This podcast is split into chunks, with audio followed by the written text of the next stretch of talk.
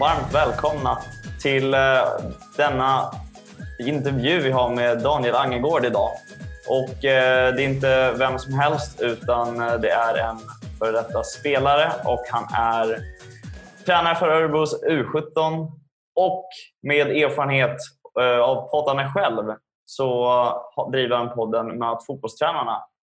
Och där har du träffat allt ifrån Svennis till eh, P Martin Sjögran till Peter Gerhardsson med flera. Så jag önskar dig stort och varmt välkommen till den här podcasten och eh, om man nu ska säga videocasten eller det kommer bli en Youtube-klipp helt enkelt. Så varmt välkommen Daniel! Stort tack att jag får vara med! Härligt! Du, innan vi hoppar på mer så tänkte jag, liksom, ja, hur är läget? Det är bara fint. En, eh, tillbaks på banan nu efter långledigt med midsommarfirande och sådär. Så det är skönt att vara tillbaka och jobba hårt. Mm. Härligt, härligt. Vi spelar in idag en måndag, så att, eh, som du nämner så har det varit precis midsommarhelg. Så nu får vi ladda batterierna och köra på. Vi får se exakt när det här avsnittet släpps. Men jag tänkte innan vi går vidare in på eh, lite mer djupa samtal och vad vi ska prata om så tänkte jag vi kör fem snabba frågor. Vilket helt enkelt är bara ett sätt att komma igång lite. Så ska vi ta reda, på, ta reda mer om dig. Så jag tänker eh, vi kör helt enkelt fem snabba. Vart är du ifrån? Örebro. Hur gammal är du? 21. Bästa idrotten i världen? Fotboll utan tvekan. Är du en morgonmänniska eller nattuggla? Oj! Eh, jag skulle mest säga nattuggla för då tycker jag det är skönt på kvällen att sätta sig med datorn och beta av massa saker som måste göras. Men jag kan vara morgonmänniska om det behövs. Mm. Härligt, härligt. Vilka språk pratar du? Svenska, eh, engelska och eh, lite spanska. All right, all right. Ja, vad bra. Du, det var fem snabba, men det finns ju såklart mycket mer. Och vi sitter inte här utan att vi ska inte prata om det, utan det är det vi ska göra. Det finns en hel del att gå igenom tänker jag, men eh, om vi ställer frågan mer av att vem är Daniel om du får berätta lite från eget perspektiv? Ja, som sagt 21 år. Eh, född och uppvuxen i Örebro. Började spela fotboll när jag var sex år gammal i Rynninge IK och eh, tillhörde Rynninge i stort sett hela min eh, karriär. Så avslutade den när jag var ja, i vintras när jag var 20. Eh, då spelade vi i division 1 och avslutade faktiskt karriären som matchens lirare mot Akropolis som gick upp till Superettan. Så det var ju kul att avsluta på topp om man säger så. Och valde då att ta steget att bli tränare istället och eh, utanför planen så har jag sedan ungefär ett och ett halvt år tillbaka drivit min podcast med fotbollstränarna. Härligt. Det är ett bra sätt att avsluta, om man nu kan säga så, lägga skorna på hyllan fast ändå såklart har man på dem när man är tränare också såklart. Ja, men det var skönt att få avsluta på det sättet i alla fall. Gött, gött. Men du, det är ju som man säger, man ska väl avsluta på topp oavsett vad det, vad det gäller och när det gäller så har du väl helt enkelt eh, gjort det får man ju säga. Precis, det var ett bra tillfälle att eh, tacka för mig. Exakt. Du, eh, vi ska såklart kommer gå igenom mer liksom hur det funkar eh, för din del och mycket av det här samtalet handlar väl om idrotten i stort men i fokus med dig så blir det ju fotbollen. En fråga jag tänker ställa till alla mina gäster är deras första idrottsminne. Så det kanske inte är fotboll, men eh, det kanske är det. Men helt enkelt, vad är ditt första idrottsintresse? Eller idrottsminne? Jag skulle nog säga att det var fotbollsskolan när man började liksom att spela fotboll för första gången. Och det är inte så att jag minns det som igår, men jag var ju sex år när man fick börja på fotbollsskolan här precis ett stenkast från där jag bor i Rynninge IK i min kvartersklubb. Och det var väl första gången man kom i kontakt på riktigt med idrotten och när man skapade sitt intresse för fotbollen i det här fallet. Så det skulle jag nog säga är det första mm, och av det minnet jag kan säga mitt första. Mm, mm. Ja, men då håller du en röd tråd helt enkelt med fotbollen. Jag har hört många nämna när man pratas vid och så kan det vara det man sysslar med idag är inte alls det man kom i kontakt med första gången. Men du, eh, jag tänkte innan vi avslutar den här första bara introduktionen av dig så tänker jag även kolla, vi var inne på det lite när du nämnde med nattuggla den biten, men jag tänkte fråga hur du startar dina dagar. Lite olika men oftast så brukar jag starta dem med att äta frukost så det kanske inte är någon jätteögoddsare utan starta varje morgon med en kopp kaffe och sen är jag ett stort fan av müsli så det brukar alltid bli en kopp kaffe och lite müsli och mjölk till frukost. Mm. Sen på senare tid har jag även försökt att eh, träna innan jobbet på morgonen och ta en eh, löprunda för att vara färdig med träningen eftersom att det är ganska svårt att som tränare få tid till att träna själv. För förut som spelare fick man det gratis när man var på sin träning men Tyvärr så får man ju inte det längre utan det är någonting man måste prioritera och hitta tid till och då är det ganska skönt att få det avklarat redan på morgonen innan man går till jobbet. Mm. Ja, men jag förstår. Det är, det är någonting som kan vara just en grej man glömmer bort när man väl ska bli tränare av att just det, nu tränar jag inte själv. Utan eh, få den starten på morgonen är lysande. Det var första snabba segmentet, om man kan säga så, av eh, början av gästen. Så jag tänkte vi hoppar över till den andra delen som handlar lite mer om dagens situation.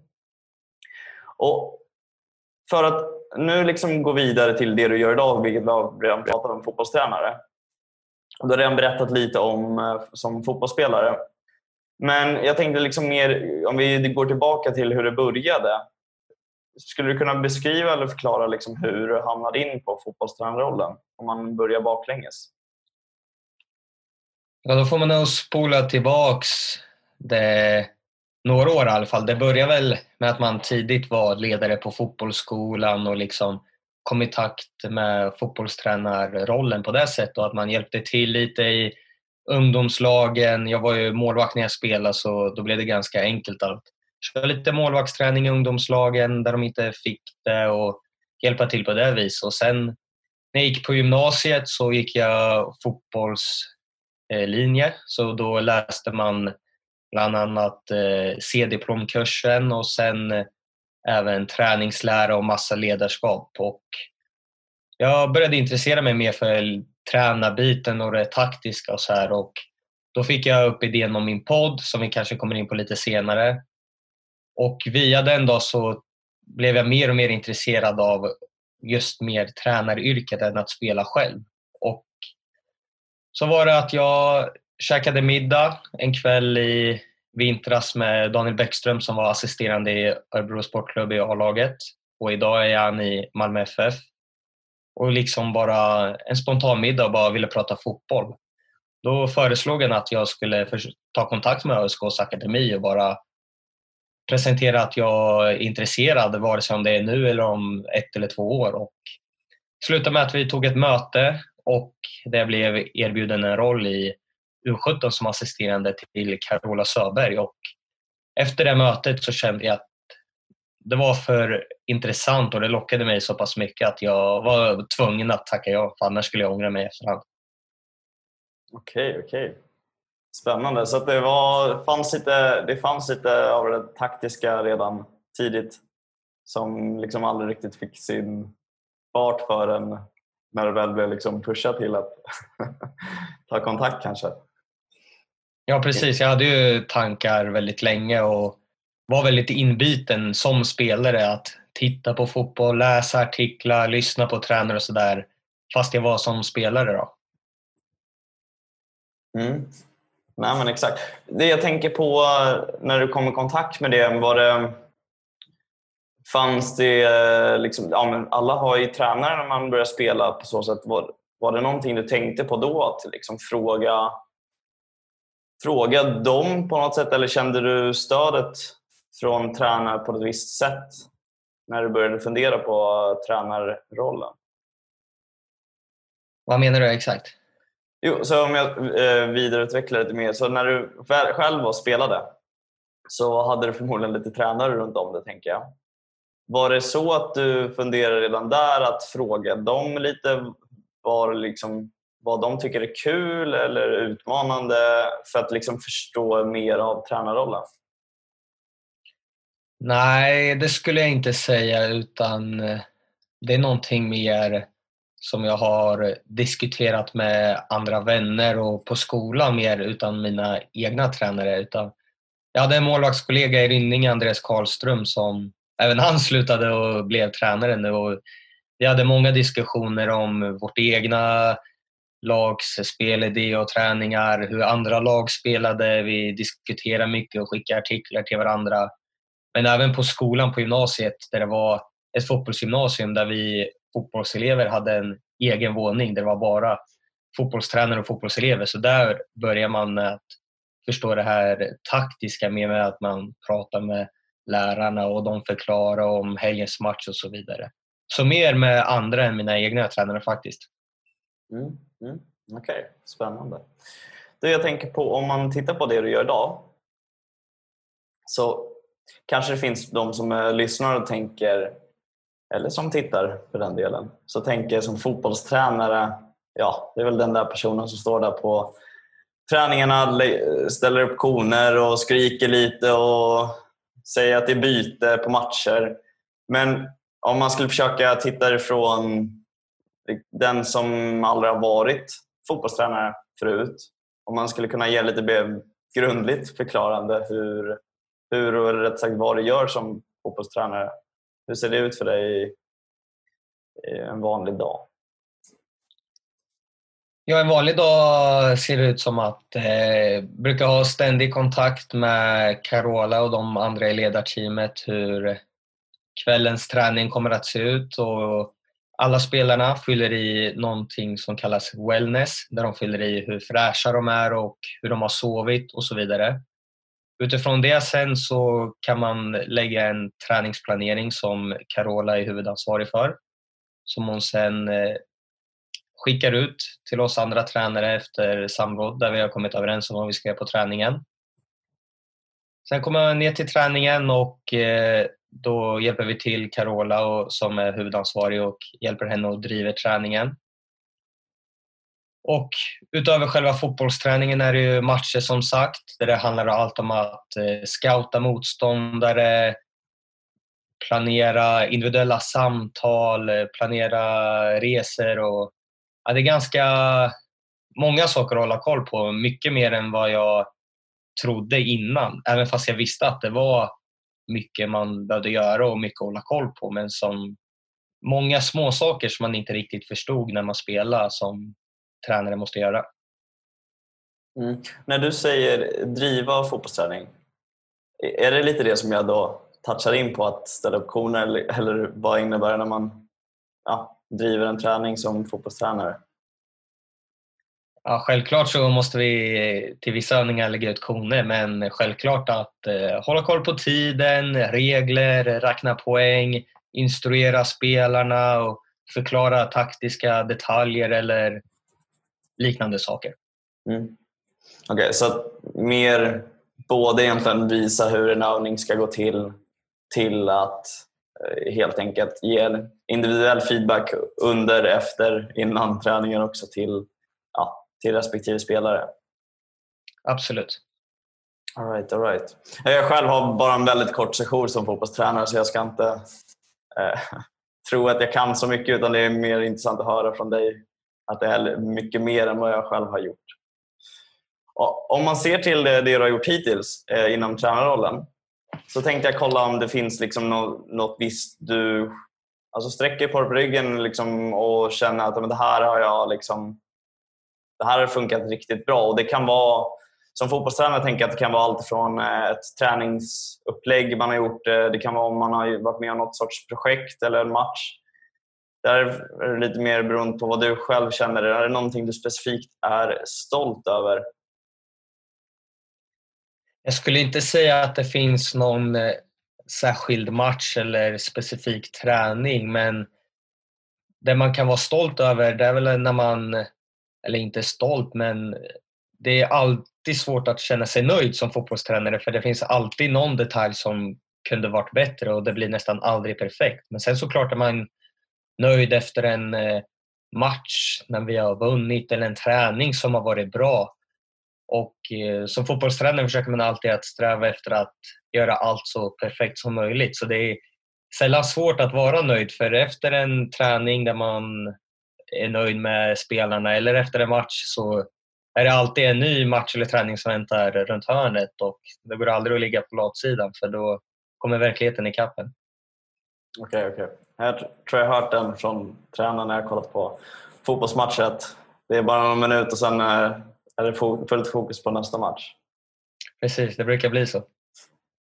Okej, okay, okej. Men du, jag tänkte, du själv var inne på det och det var väl eh, inte så konstigt med tanke på att du själv driver en podcast och du har ju, som jag inledde med, eh, redan träffat många stora namn där ute. Men jag tänker, om vi går in på det vidare, hur kom du på idén Möt fotbollstränarna? Och beskriv lite varför du skapade det. Ja, då, om vi går tillbaks lite till eh, som jag pratade om tidigare så handlar det mycket om, på fotbollsgymnasiet när jag gick där så började man ju läsa mer om ja, men, träningslära och så vidare och fick mer intresset för fotbollstränarbiten. Och jag själv älskar att lyssna på poddar och jag lyssnar på otroligt många och försökte alltid att lyssna när det var fotbollstränare som gästade, vare sig om det var Toto Balutto eller 352 eller Studio Allsvenskan och så vidare. Men en sak jag saknade var att det var att lyssna på en tränarpodd med tränare varje vecka. Det hade funnits någon eller några men som inte fanns längre. Och så kände jag men eh, det skulle vara kul att göra den här podden och starta en egen och intervjua fotbollstränare. Så jag skrev ner en lista med massa fotbollstränare och det är lite roligt i efterhand när man har strykit ganska många namn från den där listan när man trodde knappt att någon skulle vara med från början.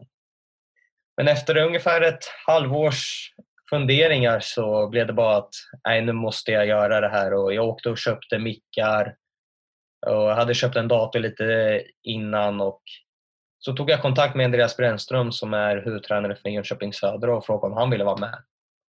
Så det blev starten på själva podden att jag köpte bara mickarna, tog kontakt med honom och så körde jag och tog det därifrån.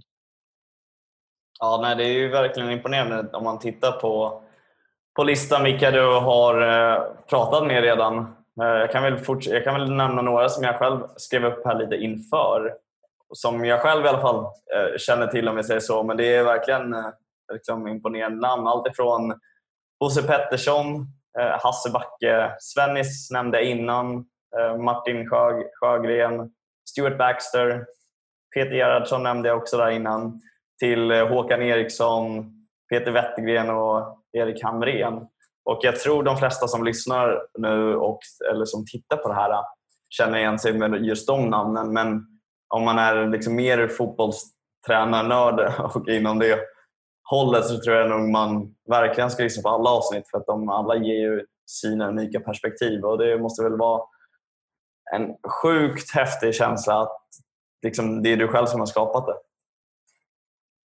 Verkligen. Jag, du liksom nämner fantastiska tränare och alla jag haft med har jag lärt mig så otroligt mycket av. Och eh, alla, jag har liksom blivit positivt bemött av alla tränare. Och det kanske man inte kan tro innan när jag trodde att ingen skulle vilja vara med till att nästan alla vill vara med och är jättetrevliga och jätteöppna och förklarar och vill dela med sig. Och jag är så sjukt eh, stolt över alla som har varit med och att de ställer upp. Det är mm. jätteroligt. Nej, men verkligen. Äh, som sagt, imponerande. Och där är det kanske någonting du är då, kanske extra stolt över då, som fotbollstränare fast det är liksom att du intervjuar fotbollstränare. Men, och det kanske är den kluriga frågan i det här. Äh, det är väl äh, om det finns något bra tips från alla dessa. Det finns säkert hur mycket som helst. Men jag tänker på en fråga som jag egentligen vill ställa dig är väl vad, vad, som, en, vad som gör en bra fotbollstränare. Det kanske är lite influerat från vad du har fått höra från, från dina intervjuer med alla dessa fotbollstränare. Som fotbollstränare, man måste ha ett så oerhört brett register. Det är så mycket man ska vara bra på. Det handlar ju alltifrån självklart det fotbollstaktiska till att vara bra på träningsplan, till att vara bra i individuella samtal, till träningsplanering och så vidare. Och så vidare. Och även på högre nivå hantera media och fans och så vidare. Så det är oerhört mycket man ska kunna. Och, eh, men två saker som jag har fått som tips som jag skulle vilja lyfta fram. Ett är från Alexander Axén som pratar om att som tränare är det viktigaste att du får dina spelare att må bra, för då kommer de att kunna prestera på planen också. Det handlar självklart om eh, det taktiska också, men om du inte får med dig spelarna och de inte trivs så kommer de inte springa för dig ute på planen. Så det är någonting som även många andra har påpekat att det är jätteviktigt att du får spelarna med dig och att spelarna trivs med dig. Ett annat tips är eh, som jag fick av Andreas Georgsson som jobbar i Brentford i Championship som var i Malmö FF tidigare. Som och då är det engelska, att, jag ska bara förtydliga, då är det engelska andra divisionen då? då. Precis, stämmer bra. Eh, han sa till mig innan jag hoppade på tränaruppdraget i ÖSK att alltid sträva om efter perfektion och att aldrig liksom vara nöjd med det man har gjort utan alltid försöka justera och skruva lite extra på varje liten grej man gör för att eh, nå ut max. Och det är någonting eh, jag verkligen har försökt att leva efter det som han sa. Mm. Det är väl två kloka, men jag kan tänka mig att det finns så sjukt mycket mer du själv besitter men även som man får ut av, av podden i sig själv. Eh, jag kommer lägga in med beskrivningar och länkar så att man kan eh, få tag på länk till podden som du driver. Så ska det bli lättare för både den som tittar och den som lyssnar. Jag tänker vi ska hoppa över till kanske huvudsegmentet och huvudpunkten i den här podcasten. Det handlar mycket om passion och passion för idrotten. Och Det är väl någonting jag tror vi alla kommer känna igen oss till när vi kommer till det. Du som lyssnar, du som tittar, men även vi som sitter här. Att eh, det finns någonting häftigt med idrotten men det är väl alltid lika spännande tycker jag att höra vad det faktiskt är som ligger bakom det. Så jag tänkte vi använder en enkel metod som egentligen utgår från eh, varför, hur och vad. Och jag inleder med att börja fråga dig varför du har en passion för fotboll. Du har redan varit inne på det lite, men skulle du kunna utveckla det lite mer? Ja, fotbollen har ju liksom varit eh, ja, men Daniel är fotboll liksom ända sedan eh, jag började på fotbollsskolan där vid sex års ålder. Och, ja, men den har följt med en och alltid varit en stor del av mig och mitt liv och jag kan inte tänka mig en dag där jag inte tänker på fotboll utan det är någonting som jag tänker och lever med konstant.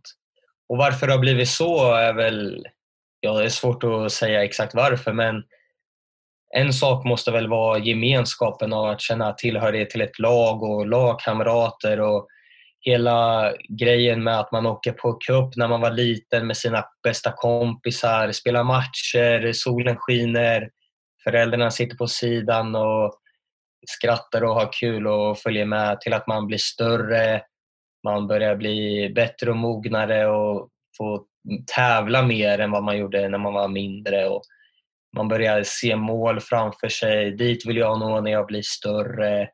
Det här vill jag göra om ett år. Då vill jag vara med i distriktslaget. Om två år vill jag vara med i A-laget.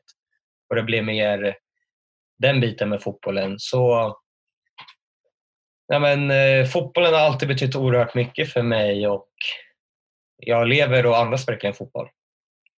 Mm, intressant. Och full, den följande frågan jag tänker då ställa är liksom hur du har hittat den här äh, passionen och känslan. Du beskriver det lite nu under, under varför här. Äh. Men jag tänker, kan du försöka känna efter liksom hur det kunde jämföras på så sätt att det här är faktiskt någonting häftigt och då kanske du jämför med något annat där du inte har den här äh, starka passionen. Och det är också lite svårt att säga exakt varför, men jag tror det blev att man började spela fotboll och så fastnade man för det för att man tyckte det var så oerhört roligt och verkligen brann för det. Och det är väl lite på den vägen att man har alltid brytt sig om det och jag fastnade direkt för att jag tyckte det var så oerhört roligt att sparka på den runda saken. Och eh, det har bara följt med och jag, jag testar på några andra idrotter som ja, men innebandy och några andra men nej, det var bara fotbollen som gällde och har alltid gällt. Och jag tänkte att ja, men om jag vill bra på fotboll så ska jag inte spela innebandy utan det är bara fotboll jag tycker är roligt. Och så har det varit ja, från att jag gick på fotbollsskolan tills idag. Det är inget annat som har kommit emellan. Nej, jag förstår. Jag förstår. Och det blev väl, du svarar lite på min nästföljande fråga jag hade då. egentligen tänkt ställa vad, vad du gör för att hitta den här känslan. Jag misstänker ju när du svarar på det att det egentligen är att så länge du har den här bollen runt om dig så, så hittar du den om jag inte tänker fel. Ja, utan eh, den här känslan med passionen till fotbollen, det, den försvinner inte utan den finns konstant. Det men man tänker på fotboll, om det inte är varje minut så i alla fall varannan minut så är det någon tanke om träning eller någon eh, spelsätt eller någon match jag ska se ikväll eller att jag måste planera något eller kolla på någon motståndare eller prata med mina kollegor. Det är någonting hela tiden som man tänker på. Det skulle jag säga passionen för att man kan inte släppa det. Det går inte. Mm. Och jag, jag, som tycker det, jag tycker det är sjukt intressant att höra vad, vad varje människa brinner för. För att det finns så många olika sporter där ute och det finns många olika roller. och Det finns allt från att man har just passionen för idrotten i stort till att det är den specifika liksom, idrotten av ja, fotboll, som i det här fallet, till att det är liksom själva arbetet i det. Och Det är därför jag tycker det är spännande att liksom just få höra de här. Och När man tänker som sig själv när man lyssnar och ser på det här och tänker att oh, jag, liksom, jag vet inte exakt vad min passion är men jag vet bara att det finns någonting där. För det, liksom, man kanske inte kan beskriva det riktigt. Jag tror du, du får väl mer mycket här av att jämföra. Eh, du har testat lite annat och jag har liksom inte riktigt känt, fått den känslan. Så det är, det är väl ett bra tips också till alla som lyssnar och ser av att ut och testa. Se vad du liksom, vad är, vad, när kittlar fjärilarna i magen så att säga. Och är det någonting du alltid tänker på så ska du nog fortsätta tänka på det och försöka ta, ta del av det. Är det så man skulle kunna sammanfatta din känsla? Absolut. Om man inte eh, har riktigt hittat vad det är som är ens grej så det finns ju alla möjliga sporter att testa på. Det är ju bara gå ut där, gå på en provträning med fotbollsklubben och nästa dag en provträning med handbollsföreningen. Och till slut förhoppningsvis så hittar man ju det man tycker är roligast. Och om det är flera sporter så är det ju bara att köra på det. Och jag föll för fotbollen och det var det jag brann för. Och då fastnade jag och efter det så går det inte att komma loss från det. Nej, nej.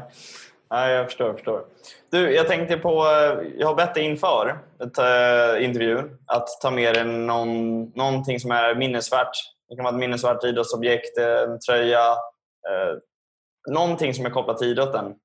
Eh, nyfiken på att se vad du har tagit med dig och berätta gärna för, för de som lyssnar vad du har tagit med dig. Jag har tagit med mig VM-bollen från 2006 i Tyskland. Okay. Det här var min eh, första äkta matchboll som jag fick. Jag var sex eller sju år, minns inte om jag hade fyllt eller om jag var födelsedagspresent. Jag, eh, jag har precis nyligen då börjat intressera mig för fotboll och ja, men, äkta matchbollen från fotbolls-VM. Det är såklart en dröm att få den. Så jag önskade mig den i födelsedagspresent och eh, jag minns det som igår när jag öppnade paketet och såg att det var den här bollen som låg i.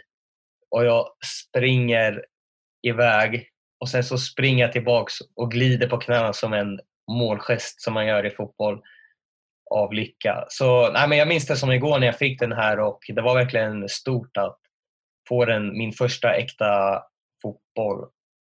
Och eh, det blev en liten tradition och jag önskade mig varje äkta matchboll från VM och EM och fick den av min moster varje gång det var ett mästerskap. Så det är någonting jag verkligen eh, minns som ett bra minne från eh, att jag var yngre och ett minnesvärt idrottsobjekt verkligen. Kul, kul. Ja, och hur, hur, eh, hur blev det med de efterföljande mästerskapen? Fick du önskan i, i de flesta tillfällen? Ja, fram tills att man blev lite äldre och kände att nej men nu, nu behöver vi inte ha mer bollar, nu har jag dem. Och de flesta har tyvärr fått punka nu men eh, det har blivit ett litet samlarobjekt som är kul att spara och behålla. Mm. Ja, roligt, roligt att höra. Och jag tänkte ju för att försöka matcha in lite i, i det här sammanhanget så bakom mig här så har jag en, en fotbollströja hängandes från eh, klubben jag har nyligen jobbat hos, IFK Klagshamn. Jag tänkte jag behövde fylla i lite fotboll i sammanhanget och den klubben har eh, väldigt många fotbollslag hos sig. Eh, jag kan såklart prata mycket mer om det, men det är inte det det handlar om. Men jag känner att jag var tvungen att ta med mig no någonting som var, hade liksom med ämnet att göra idag. Så det var min lilla fotbolls... Eh, ja, vad ska man säga? Komplement till, till det här. Men det, det är eh, inte mycket i jämförelse till eh, den första officiella liksom, VM-bollen man får till sig kanske. Du, härligt att höra Daniel. Det finns väldigt mycket mer att prata om. Och någonting som inte kanske alltid är guld och gröna skogar som man kan säga så kanske finns utmaningar också. Är det någonting du skulle kunna ta fram som, som det kanske har gjort, varit för just dig? Med en utmaning att jobba allt från med fotbollen som i tränarrollen? Tänker du någon eh, liksom, motgång som man har haft? Det kan vara motgång. Brottsfylleri, det kan vara motgång man har haft. Det kan vara just det här är liksom en utmaning som fotbollstränare som man kanske inte riktigt tänker på innan man väl är där. Som fotbollstränare skulle jag säga att eh, inte rädd, men det är såklart någonting jag inte har testat på på riktigt innan jag väl tog steget att bli fotbollstränare. Och jag är fortfarande en nybörjare kan man säga. Jag har bara varit tränare på riktigt, om man säger på riktigt, i drygt ett halvår och jag vet om mina svagheter och det är någonting som jag hela tiden försöker att utveckla och utsätta mig för. Men jag skulle inte säga att jag är rädd för mina svagheter men det är något som jag hela tiden försöker utverka, eh, utveckla. För jag är en perfektionist och tycker det är jobbigt när jag inte är bra på något. Så just det här med att man måste fortfarande vara Eh, ärlig mot sig själv och säga jag kan inte allt och jag kommer aldrig kunna allt. Jag kommer aldrig bli fullärd som fotbollstränare. Men också veta att jag vet att jag inte är det och då tror jag att man har kommit en bra bit på vägen att bli ännu bättre och utvecklas hela tiden. Mm. Är det så att man vågar ställa frågor när man inte vet? För det kan vara en situation som man hamnar i oavsett om det är skolan eller i arbetslivet. Är det, hur ser det ut för din del när det kommer till det? Jag skulle säga att eh, det vågar jag. Det är nog för att jag har en så pass eh, bra kollega och huvudtränare i Carola Söberg som verkligen eh, ja, men förstår att jag är ny som tränare och jag är inte fullärd och jag har mycket att lära. Hon är ett eh, fantastisk kollega att jobba med för att jag har lärt mig så otroligt mycket av henne på bara några månader. Och hon har heller inte varit tränare allt för länge utan eh, jag tror tre, fyra år.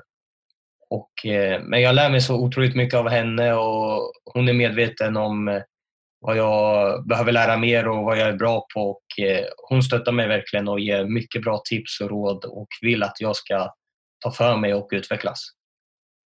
Det låter som att du har en väldigt bra stöd runt om dig. Verkligen. Skönt att höra. Skönt att höra. Du, med tanke på att du också har träffat en hel del och pratat med en hel del tränare från, från olika nivåer. Var det någon eh, rädsla eller utmaning du kunde märka hos dem som de vågade dela med sig av så att säga?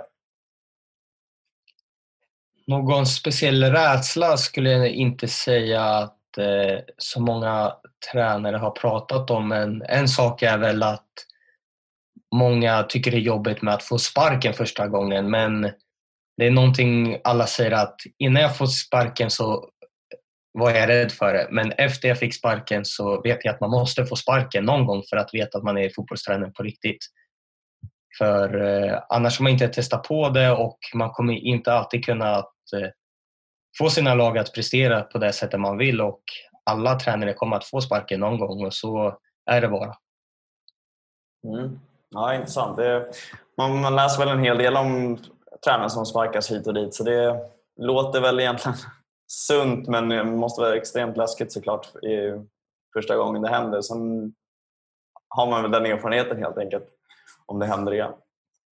Du, jag tänker på, nu går vi mot slutet av, av eh, intervjun. Eh, så jag har valt att kalla sista delen nu för övertid, passande nog i sportsliga termer. Och då ska vi se här. Du, du var inne på det lite, men skulle du kunna upprepa om det vad du gärna hade velat veta innan du började rollen som fotbollstränare? Jag skulle säga att jag var ganska så förberedd rent mentalt på att starta bli fotbollstränare. Dels redan då för att jag hade påbörjat mina utbildningar och jag hade gått klart BFAB och några andra förbundskurser och även då som jag nämnde träningslära och ledarskap på gymnasiet och alla tränare jag har träffat via min podd som har gett mig fantastiska tips och eh, så har jag även gjort en del studiebesök hos några tränare. Men det jag saknade var just det praktiska, vilket jag nu har fått jobba med sedan jag blev fotbollstränare och det är inget som jag hade kunnat veta om innan jag blev fotbollstränare men det är någonting som jag verkligen behöver utveckla och som jag håller på att utveckla eftersom att det är inget man kunde liksom förbereda sig på utan någonting som man får lära sig efterhand och det är väl just det jag känner att jag måste jobba med och det är det jag får jobba med varje dag ute på träningsplanen.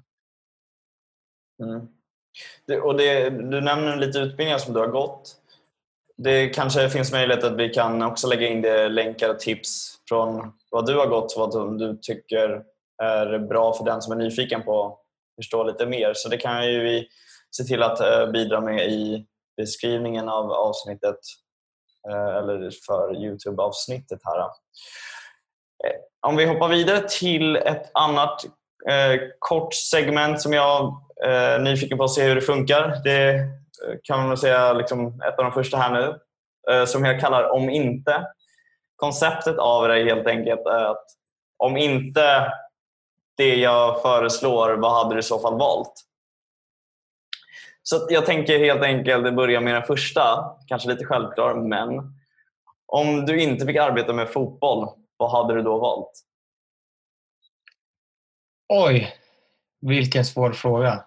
Jag har alltid känt att eh, det jag vill göra är att jobba inom fotbollen och sen har jag alltid tänkt att det kan vara lite vad som helst. Jag hade ju först drömmar om att bli spelare, sen så hade jag lite tankar om det journalistiska och sen fotbollstränartankar och det har alltid kretsat kring fotboll. Men om det inte får vara fotboll så tycker jag faktiskt att det är kul att jobba med sociala medier och så vidare i och med att jag gör det med min podd och även då har en Youtube-kanal kopplat till podden. Jag tycker det är kul att redigera och klippa och lite sådär. Men verkligen på en hobbynivå. Jag är ingen expert eller någonting men det kan jag tycka är kul. Och sen så har jag även alltid haft en liten dröm om att vara mäklare men det har jag insett att det är väldigt svårt att vara mäklare om man ska jobba med fotboll. Mm, mm, intressant. Och det här kanske, vi får se hur det här går. Om, du, om det inte var idrott, vad hade du då valt? Och då kanske det blir mäklare eller marknadsföring som du säger. Ja, om, de, alltså, om, lite, om, lite, om du inte hade idrott överhuvudtaget, om inte det liksom fanns? Nej, då hade det nog, ja, men då hade det nog blivit någon av de delarna som jag sa där. Mm. Eller att jobba med människan på något sätt. Sen exakt vad det skulle vara är lite svårt att veta. Mm. Nej, jag förstår. förstår. Okej, om inte du fick växa upp i Sverige, vilket land hade du valt? Då hade jag nog va- valt Spanien. Brukar ofta vara där på semester och gilla landet, gilla språket, gillar att, eh, ja men, bra väder, sol och bad. Det känns som ett skönt land att eh, vara i och jag gillar att vara där. Så det hade varit kul att växa upp där. Mm. Och sen sista då, om inte... Om in, och det här blir väl lite dubbelt kanske. Om inte Örebro SK och Rynninge. Men men jag tänker egentligen främst på det nu med, med tränarrollen. Så om inte tränarroll i Öre- Örebro SK, vad hade det varit då? Ska man säga sina drömmar eller något realistiskt i Sverige nu? Du kan köra både och. Kör både och. Man, det är bra att ha drömmar också. Om man får drömma riktigt långt så har jag alltid drömt om att spela i Real Madrid och Real Madrid har alltid varit mitt favoritlag ända sedan Iker Casillas, min barndomsidol, stod i mål i Real Madrid. Så att få bo i Spanien och jobba i Real Madrid hade ju varit eh, fantastiskt roligt. Sen i Sverige, om man skulle jobba i någon annan klubb, oj. Eh, har ingen eh, drömklubb sådär, men att jobba i en klubb med mycket fans och mycket känslor och engagemang skulle vara fantastiskt roligt. Mm. Det behöver ju kanske inte vara Sverige för att det ska vara realistiskt men, men eh, ja, det är väl lätt att tänka på det eh, med, utifrån kanske språk och, och att du är just nu i Örebro. Kul! Eh, tack! Det var kul att testa det segmentet om det kan bli något eller inte. Det får vi väl se. Och har man feedback så får man gärna komma med det oavsett om det gäller du Daniel eller dig som lyssnar eller dig som tittar. Eh, Det är bara att höra av er till mig efteråt. Eh, Kontaktinformation och vidare kommer i slutet av avsnittet. Du, jag tänker på dig själv som människa och person. Personlig utveckling tycker jag är ett spännande område. Så du har ju varit inne på liksom hur en morgon startar, men hur eh, skulle du säga att du ser till att du är på toppen av din förmåga? Eller hur försöker du liksom se till att du eh, utvecklar dig själv?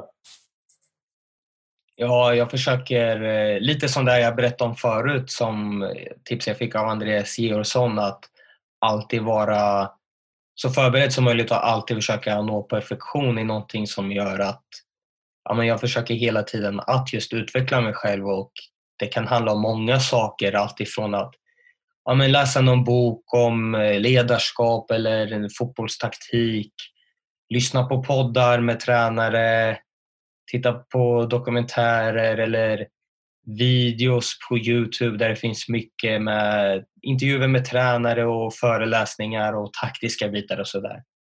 Och som jag nämnde förut så tror jag aldrig att man blir fullärd och speciellt inte jag som är 21 och nybliven tränare. Jag har så otroligt mycket att lära mig och eh, det är jag väldigt ödmjuk inför att försöka att lära mig så mycket som möjligt för varje dag och eh, att hela tiden eh, ha den här personliga utvecklingen är viktigt för mig för att jag vill verkligen bli bättre för varje dag som går. Och i dagens samhälle och med sociala medier och någonting så om jag går in på Twitter nu så hittar jag tio artiklar och fyra videos och massa annat som jag bör läsa för att bli en bättre fotbollstränare. Men samtidigt måste man också vara väldigt selektiv i vad ska jag läsa och vad ska jag inte? För det får heller inte bli för mycket utan försöker också ha tid att koppla bort fotbollen och göra annat och vara med familj och eh, flickvän och titta på någon eh, dokumentär som inte handlar om fotboll för att även koppla bort. För det får inte heller bli att man tänker på fotbollen hela tiden för när man väl då måste tänka klart och tydligt så kanske man är trött på att tänka på det och där vill man heller inte hamna. Så det är en, det är en, väldigt, eh, en väldigt fin balansgång däremellan på hur mycket ska jag försöka att utveckla mig själv hela tiden men även att utveckla mig själv genom att vila från det. Mm, mm. Intressant. Och du, som du nämner, du är ju en ung, ung tränare och har framtiden framför dig. Vad, om man försöker ge lite hint, vad tror du själv är om fem år? Oj! Eh, jättesvårt att säga. Förhoppningsvis så har jag blivit en mycket bättre tränare än vad jag är idag med fem års erfarenhet. Och på fem år hinner det hända otroligt mycket i livet. Men förhoppningsvis är jag fortfarande fotbollstränare. Och eh, en plats eller en klubb går nog inte att säga.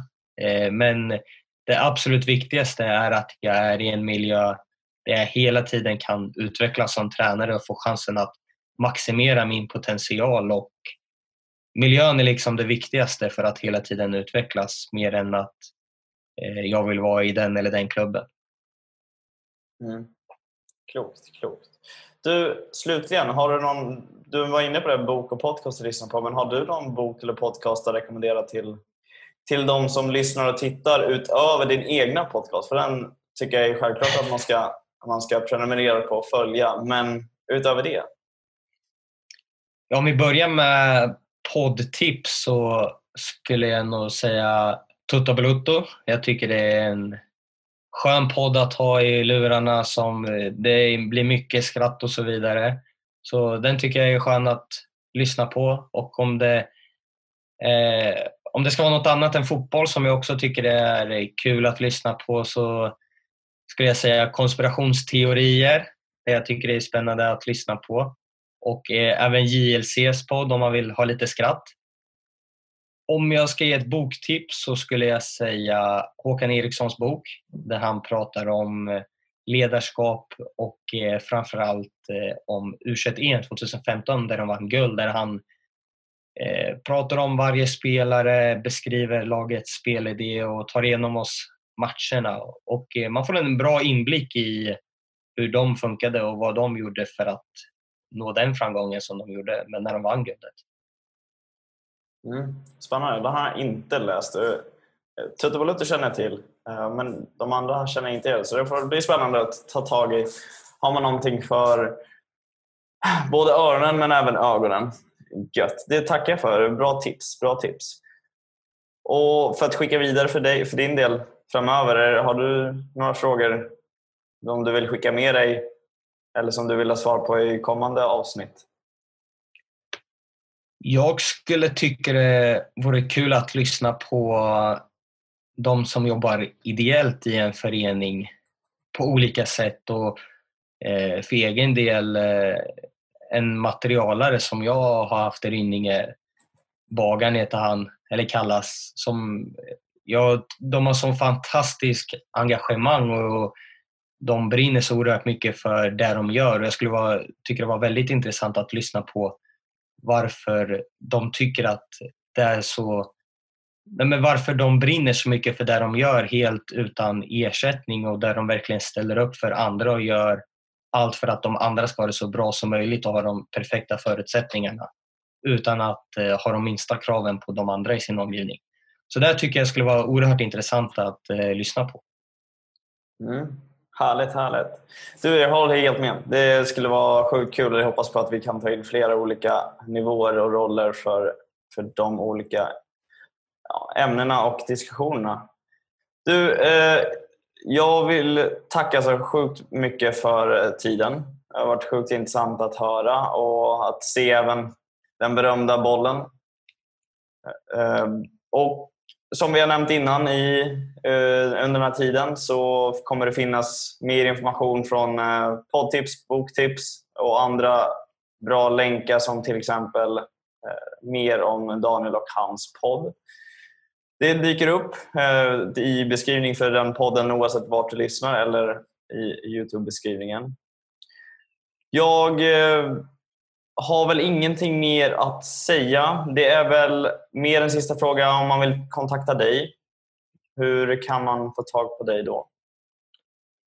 Eh, enklast når man mig på min mail daniel.angergard.gmail.com eller eh, via sociala medier, antingen mina privata sociala medier eller via Möt fotbollstränarnas sociala medier där jag är ständigt aktiv. Härligt. Vi ser till att ta med det också.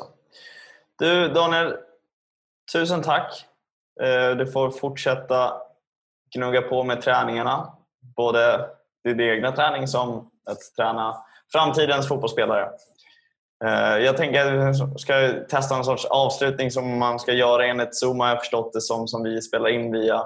Där man ska ta handen och så ska man ta den på, på kameran. Så att när vi säger hej då så tänker jag helt enkelt att vi säger hej då så här. Alright, är du med? Uh, yes. Alright, gött. Då ha det så bra så syns och hörs vi. Tack detsamma. Hej. hej.